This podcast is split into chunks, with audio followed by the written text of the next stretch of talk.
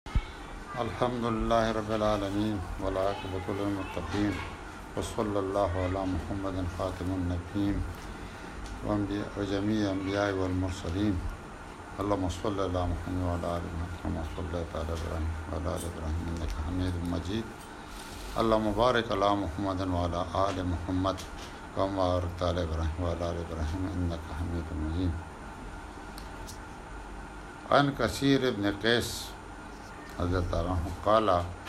كنت جالس مع أبي دردة في مسجد دمشق فجاءه رجل فقال يا أبا دردة إني جئتك من مدينة رسول الله صلى الله عليه وسلم لحديث بلغني أنك تحدث عن رسول الله صلى الله عليه وسلم ما جئت لحاجة فإني سمعت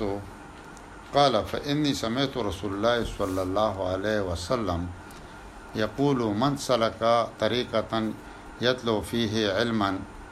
سلك الله بطريق من طريق الجنة وأن الملائكة لتسطع أجنحتها رضوا لطالب العلم وإن العالم ليستغفر له من في السماوات ومن في الأرض والهيطان في جوف الماء وإن فضل العالم على العابد كفضل قمر ليلة البدر على سائر الكواكب وإن العلماء ورثة الأنبياء وإن الأنبياء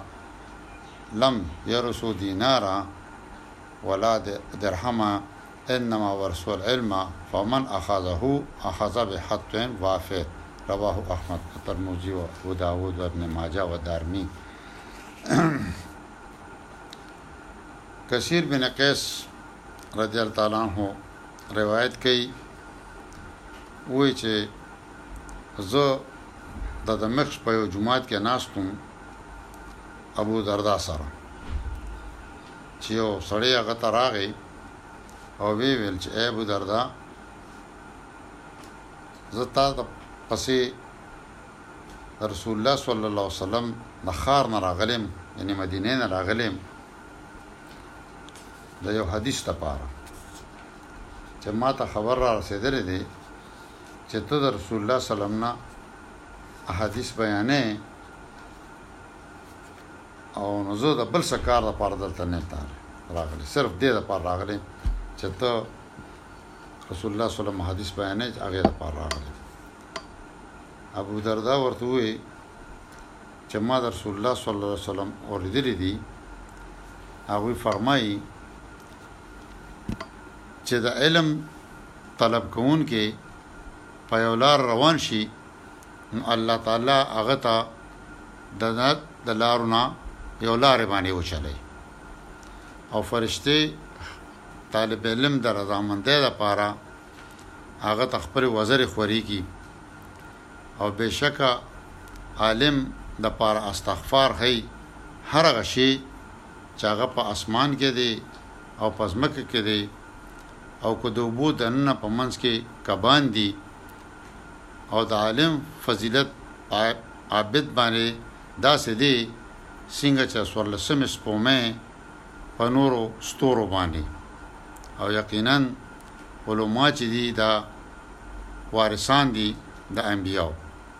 او تحقیق انبیا چې کوم دي نبیانو څه دینار او درهم خپل وراثت کې نه پریدي مګر علم پریدي په خپل وراثت کې دا وی وراثت علم دی نو چا چې دا حاصل ک نو دته غټه حصہ ملو شو د علم د برکتونو باره کې مطلب دا اوس دغه فضیلتونو احادیث شروع شو او د کې یو خدا دې چې یو سړی د یو حدیث اورېدو لپاره د مدینې روان شو د مشتلاړ او صرف دومره چې هغه ته دا پته وه چې دا سړی د رسول الله صلی الله علیه وسلم نه اورېدل شوی حدیث بیانوي چې پخپله یې اورېدلی دی هغه حدیث دی بیانوي ابو دردا نو ده له لاړه چې دنه ډارېک وورم چې رسول الله صلی الله علیه وسلم نو هغه ورته چې کوم حدیث بیان کړ نو هغه هم په دې دغه باندې چې دی د علم طلب کې راغلی و یعنې د یو حدیث د کولو لپاره راغلی و نو هغه ورته هم د هغې باره کې حدیث بیان کړ چې ما رسول الله صلی الله علیه وسلم ما اوریدلی دي یعنی د بل چا واسطه پکې را نه واسطه ما اوریدلی دي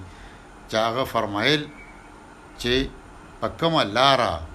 باندې د علم په لاره سو روان شي نو الله تعالی هغه ته جنت لاره کولو کی او هغه د پاره چې کوم دی فرشته دغه دومره احترام کوي چې په لار جن هغه تخپل وزرن خورسي خوري او هر یو شی چې دی په ځمکه اسمانونو کې په اوبو کې د دی فضیلت دومره چې هغه د ده لپاره الله تعالی نه مغفرت غواړي چې کله دی د علم په تکل کې روان او بیا د دې دواړو مقابله کړې ده نور حدیثو کې دا شوی ده چې د عالم او د عابد نو رسول الله صلی الله علیه وسلم فرمایي چې د عالم فضیلت په عابد باندې داسې دې لکه په ستورو کې چې د څورلسمې سپومې څنګه واضحه، ښکاره، وي او د علم برکت دغه دغې چې انبياء په وراثت کې څه مال نه پرېږدي. علم چې کوم دی دا د انبياو وراثت دی او چې چا د انبياء د وراثت نه څه وصول کړه نو ځکه خو چې عالمان چې دا د انبياو وارثان دي نو دوی ډېر یو غټ حصه وصول کړه.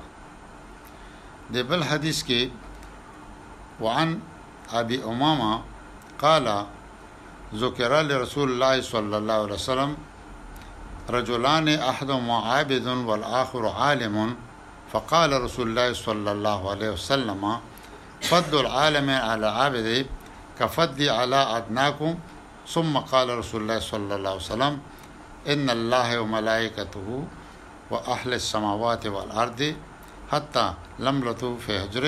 وحتی الحوت لیصلن علی معلم الناس خیر رواه ترمذی ابو امامه رضی الله عنه روایت کوي چې رسول الله صلی الله علیه وسلم سره دوه کسان ناستو او ذکر وشو د یو عابد او د عالم نو رسول الله صلی الله علیه وسلم او فرمایل چې د عالم فضیلت په عابد باندې داسې دی څنګه چې زما فضیلت په تاسو کې د یو کمزورې کس باره کې دی چې زما فضیلت په یو کمزوري باندې څنګه دی دغه شانتي په عابد باندې د عالم فضیلت دی او بیا رسول الله صلی الله علیه وسلم چې یقینا فرشتي او د اسمان والا او د زمکه والا حتی تر دې چې په سړو کې میږي او کبان هم د تعلیم ورکولو والا لپاره د خیر دعاګانې کوي دوی لپاره خیر غواړي او دا حدیث دا ترمذی او دارمی راغشته دی دارمی پکې بل دغه راغشته هغه کې د دوه کسانو ذکر نشته هغه صرف دا فرمایلی دی چې د عالم فضیلت په عالم باندې داسې دی څنګه چې زما فضیلت تاسو په یو کمزوري باندې او دا آیات ووی چه انما یخشی الله من عباده علماء چه واقعی یقینا د الله تعالی نه په بندیانو کې رجکیدونکي چې دي هغه عالمان دي وعن ابي سعيد خدري قال قال رسول الله صلى الله عليه وسلم ان الناس لكم تبع وان رجالهم لا يتونكم من اقطار الارض یتفقهون فی الدین فاذا اتوکم فاستو صوابهم خیرا ابو سعید خدری رضی الله تعالی عنہ فرمایي ابو سعید خدری روایت کوي چې رسول الله صلی الله علیه وسلم او فرمایل چې یقینا خلق ستاسو تابع دي خلق تاسو پس روان دي او یقینا چې پزمکه کې د اطرافونه د هر طرف نه خلک د دین زده کولو لپاره ستاسو ته راځي نو کله چې تاسو ته راشي نو حق دا دی چې زما وصیت قبول کړئ او هغوی سره نیکی کوئ هغوی سره نیک سلوک کوئ یعنی بهترین طریقې سره ورته دغه ښایئ یعنی مدینې ته به خلک راتلل بیا وروسته مکې ته به هم راتلل هلته هم علما رسول الله صلی الله علیه وسلم ځای کړي وو نو هغه خپلو علماوو ته یې دا دا وصیت کاوه چې د دین باره کې به خلک تاسو ته راځي او تاسو نه تپوس کوي او دا خلک به ستاسو تابعداري کوي چې تاسو مني چې تاسو ورته څه وایئ نو د بلۍ کار ورسره کوئ د خیر ورسره دوی ته خیر رسوئ وعن ابن عباس قال قال رسول الله صلى الله عليه وسلم فقیه واحد اشد علی الشیطان من الف عابد ابن عباس رضی الله عنه روایت کوي وایي چې رسول الله صلی الله علیه وسلم او فرمایل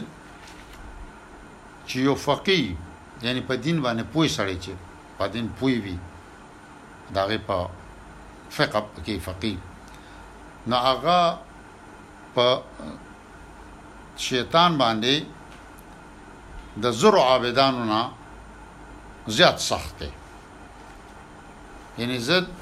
زر عبادت کوونکي چې هغوی صرف عبادت کوي خو علم ورسره نشته نو شیطان ته هغه ډېر اسان دي دوکه کول په نسبت د یو عالم چې عالم ته پته چې کم وخت کې وسکه کم وخت کې وسکه نو د یو فقی انسان درجه چې ده هغه ډېر زیاته اوچته ده او د عبادت خپلې درجې دي خو علم دومره ضروري دی چې دا ټول احادیث چې څومره موږ وویلې یا دا نور هم را روان دي هغه د علم اهمیت کوي چې مختلفو طریقو سره نو الله تعالی دې موږ ته د علم حاصلولو په هغې د پوهېدو د عمل کولو توفیق راکړي صدق الله العظیم.